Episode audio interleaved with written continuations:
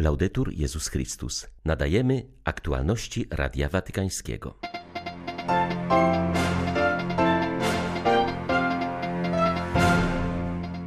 W swoim życiu miałem okresy, kiedy wymagałem zbyt wiele, potem zrozumiałem, że trzeba przewodzić i pozwalać dojrzewać, powiedział Franciszek w wywiadzie udzielonym argentyńskiej agencji informacyjnej Telam.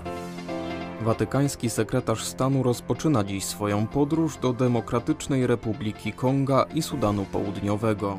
Kardynał Pietro Parolin zastępuje papieża, który ze względów zdrowotnych nie mógł udać się do afrykańskich krajów. Ze względu na wakacje Franciszka Watykan poinformował o zawieszeniu środowych audiencji generalnych. Spotkania z wiernymi powrócą 3 sierpnia. 1 lipca witają Państwa Marek Krzysztofiak i Łukasz Sośniak. Zapraszamy na serwis informacyjny. Swoim życiu miałem okresy, kiedy wymagałem zbyt wiele, potem zrozumiałem, że trzeba przewodzić i pozwalać dojrzewać, powiedział Franciszek w wywiadzie udzielonym argentyńskiej agencji informacyjnej Telam.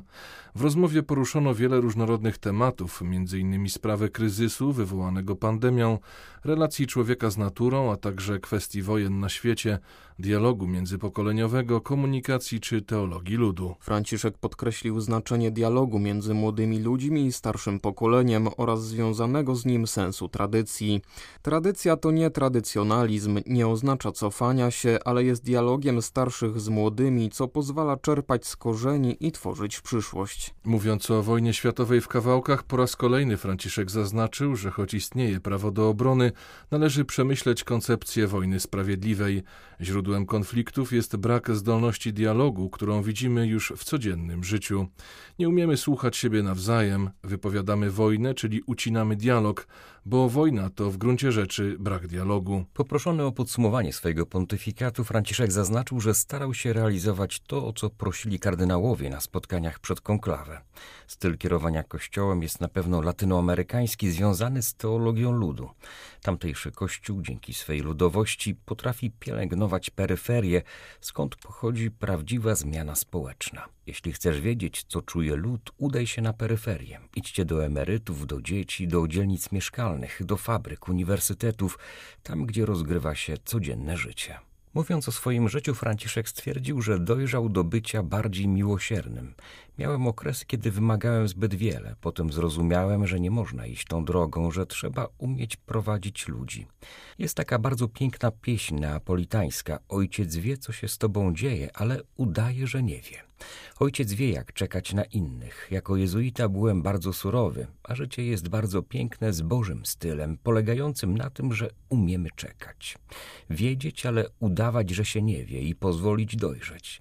To jedna z najpiękniejszych mądrości, jaką daje nam życie, zakończył Ojciec Święty. Papież Franciszek rozpoczął swoje wakacje, które inaczej niż w przypadku jego poprzedników nie oznaczają wyjazdu do letniej rezydencji w Castel Gandolfo, ale jedynie ograniczenie spotkań i wolniejszy rytm pracy w Watykanie. Ojciec Święty pozostaje także w domu świętej Marty. Jedną z letnich zmian jest zawieszenie środowych audiencji aż do sierpnia, o czym poinformowało dziś biuro prasowe Stolicy Apostolskiej. Franciszek od początku swojego pontyfikatu dał się poznać jako papież, który nie lubi bezczynności w czasie urlopu. Do tego samego zachęcał niedawno młodych uczestniczących w pierwszym światowym szczycie turystyki młodzieżowej zorganizowanym we włoskim Sorrento. Sam również pomimo problemów z kolanem nie zaprzestaje aktywności. Podczas wakacji będzie spotykał się z wiernymi na niedzielną modlitwę Anioł Pański na placu Świętego Piotra, a pod koniec miesiąca uda się do Kanady. Licznych wywiadach Franciszek przyznawał, że nigdy nie lubił podróżować, a wakacyjny odpoczynek to dla niego przede wszystkim zwolnienie codziennego tempa. Dobra lektura, a szczególnie więcej modlitwy.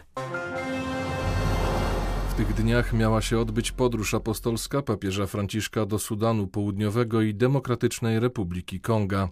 Jak wiadomo, ze względu na problemy zdrowotne Ojca Świętego została ona odłożona. Zamiast niego na Czarny Ląd udaje się watykański sekretarz stanu. Kardynał Pietro Parolin ma zapewnić o bliskości papieża z mieszkańcami tych afrykańskich krajów. Radio Watykańskie rozmawiało z kardynałem Parolinem na lotnisku w Paryżu tuż przed odlotem do Kinszasy.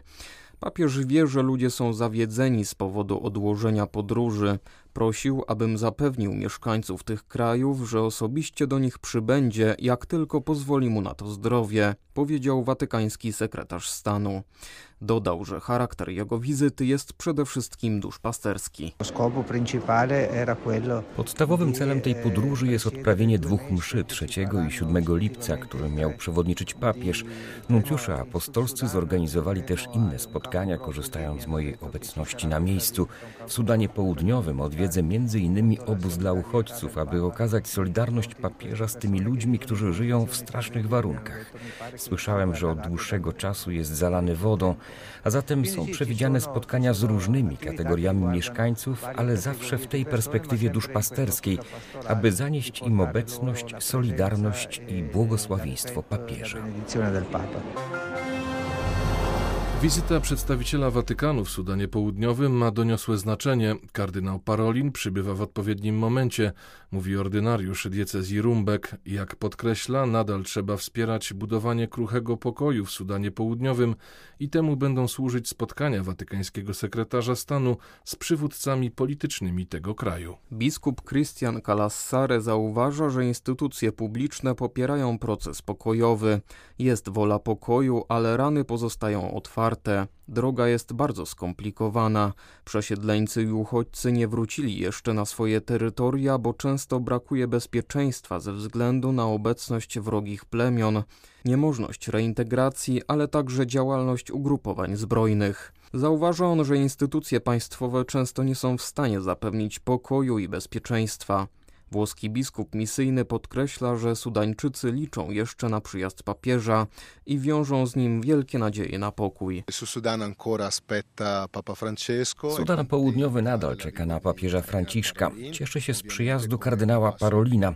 Traktuje to jako dodatkowy krok, przypomnienie, że trzeba się angażować na poważnie, aby papież przybywając nie spotkał ludu, który biernie czeka, ale kraj, który jest w drodze, czyni starania na rzecz pokoju. Papież najpierw okazał okazał swe zainteresowanie przywódcom politycznym, teraz chce się skupić na mieszkańcach tego kraju. Chce ich uroczyście wezwać do nawrócenia, zaapelować o jedność i braterstwo, przypomnieć im o Ewangelii. Ludzie muszą zrozumieć, że także oni powinni wnieść swój wkład w budowanie pokoju.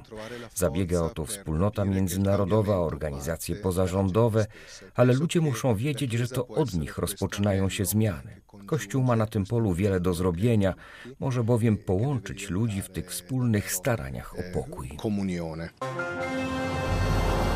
Kościół w Demokratycznej Republice Konga nadal się rozwija, choć nie wszyscy w tym kraju zostali już skonfrontowani z dobrą nowiną Jezusa Chrystusa. Nadal jest miejsce na pierwsze głoszenie Ewangelii, mówi w rozmowie z Radiem Watykańskim biskup Felicien Galumbulula. Dodaje, że na szczęście nie brakuje powołań kapłańskich, mamy więc młodych kapłanów, którzy głoszą Ewangelię i opiekują się nowymi chrześcijanami, mówi ordynariusz diecezji Luiza. Jego zdaniem dynamiczny rozwój Kościoła w tym kraju jest związany z dość prostymi warunkami życia i naturalną religijnością Kongijczyków, którzy są otwarci na wymiar duchowy. Biskup Galumbulula przyznaje, że jego rodacy nadal czekają na przyjazd Franciszka. W niedzielę według pierwotnych planów miał odprawiać Eucharystię w Kinszasie. Zamiast niego uczyni to watykański sekretarz stanu, natomiast sam papież odprawi wraz z Kongijczykami mszę w Bazylice Świętego Piotra. Na znak łączności z Ojcem Świętym we wszystkich kongijskich diecezjach odbędą się modlitwy pod przewodnictwem lokalnego biskupa, mówi biskup Galumbulula. Jest prawdą, że ludzie czują żal z powodu przełożenia papieskiej wizyty. Są zawiedzeni, bo bardzo na nią czekali. Chcieli zobaczyć papieża, osobiście uczestniczyć w liturgii. Jednakże wyjaśnienia, które otrzymaliśmy, łagodzą ten żal bo kiedy w grę wchodzi zdrowie, nic się nie da zrobić. Nawet papież zależy od decyzji swych lekarzy. Cieszy nas, że postanowił odprawić mszę z Kongijczykami w Bazylice Świętego Piotra. To pokazuje, że Franciszkowi bardzo zależy na tej podróży apostolskiej, a nasze problemy i nadzieje są obecne w jego modlitwie.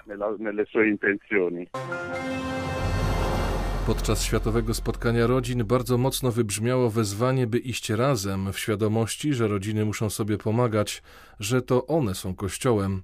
Tak z perspektywy kilku dni podsumowuje to wydarzenie Gabriela Gambino, która z ramienia Watykanu była odpowiedzialna za jego organizację. Podsekretarz dykasterii do spraw świeckich, rodziny i życia podkreśla, że zarówno kilkudniowe spotkanie w Rzymie, jak i równoległe wydarzenia w diecezjach na całym świecie są świadectwem procesu odnowy duszpasterstwa rodzin, który dokonuje się we współczesnym kościele. Przynosi to zaskakujące rezultaty na całym świecie. Otrzymujemy pozytywne sygnały z diecezji i wielu episkopatów, które zainicjowały odnowę duszpasterstwa rodzin. Jest to i intensywny proces. W większości wypadków zaangażowane są same rodziny i małżeństwa.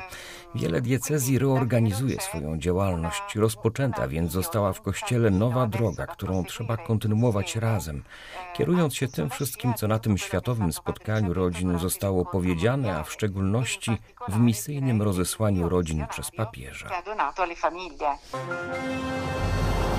W nocy rosyjskie rakiety spadły na obiekty cywilne w Odessie. Rosjanie ostrzelali budynek mieszkalny i ośrodek wypoczynkowy nad Morzem Czarnym. W wyniku ataku zginęło co najmniej 18 osób, w tym troje dzieci, a 40 zostało rannych. Patrząc w zapłakane oczy matek i ojców, w sercu rodzi się krzyk modlitwy o ratunek i pytanie, dlaczego dzieje się to szaleństwo, mówi w swoim codziennym przesłaniu arcybiskup Światosław Szewczuk. Zwierzchnik ukraińskich grekokatolików zaznacza, że nawet najstraszniejsze zło, takie jak to, które obecnie dzieje się na Ukrainie, rozpoczyna się niewinnie, od złych myśli. Dlatego należy zdawać sobie sprawę z duchowego wymiaru tej wojny. Mistrzowie duchowości i ojcowie Kościoła mówią, że kuszenie złego ducha rozpoczyna się od niewinnej sugestii. Proponuje nam zło, ale pod postacią dobra. and Co w takim razie mamy robić, aby nie dać się podejść? Dobrym pomysłem jest prześledzenie tego, w jaki sposób Jezus reaguje na propozycje złego podczas kuszenia na pustyni, jak od razu je odrzuca. Uczy nas, że jeśli wejdziemy w dyskusję ze złem, to zacznie ono przenikać do naszych serc. Tak samo działa rosyjska propaganda, która infekuje serca i umysły ludzi na całym świecie. Zwróćcie uwagę, jak bardzo zmanipulowane jest rosyjskie społeczeństwo. W jaki sposób werbowani są młodzi chłopcy, by zabijali niewinnych ludzi na Ukrainie. Usprawiedliwia się tę agresję, używając nawet motywów religijnych. Nie wspominając już bardziej prozaicznych, mówi się im, że coś zarobią, poprawią byt rodziny. Niech moc modlitwy i Słowa Bożego będzie naszą siłą. Przeciwstawiajmy się grzechowi od razu. Boże, pomóż nam swoją siłą pokonać diabła i jego pokusy. Co najmniej sześć kościołów zostało zdewastowanych po wyroku Sądu Najwyższego, który zniósł powszechne prawo do aborcji w Stanach Zjednoczonych. Prezydent Joe Biden potępił falę wandalizmu, ale określił decyzję sędziów jako skandaliczną i zapowiedział, że Ameryka się nie cofnie. Wśród zaatakowanych kościołów jest parafia Matki Bożej w Nowym Orleanie. Znajdującą się na jej terenie figurę przedstawiającą nienarodzone dzieci oblano czerwoną farbą. Z kolei kościół świętego Kolmana w zachodniej Virginii został całkowicie zniszczony w wyniku podpalenia. Mury innej parafii w tym samym stanie pokryto z kolei obscenicznym graffiti. Po wyroku Sądu Najwyższego władze federalne nie mogą nakazywać poszczególnym stanom legalizacji aborcji. Orzeczenie jest odpowiedzią na precedensową sprawę Roe przeciwko Wade z 1973 roku, której wyrok stanowił, że amerykańska konstytucja gwarantuje prawo do aborcji na życzenie. Były to aktualności Radia Watykańskiego. Laudetur Jezus Chrystus.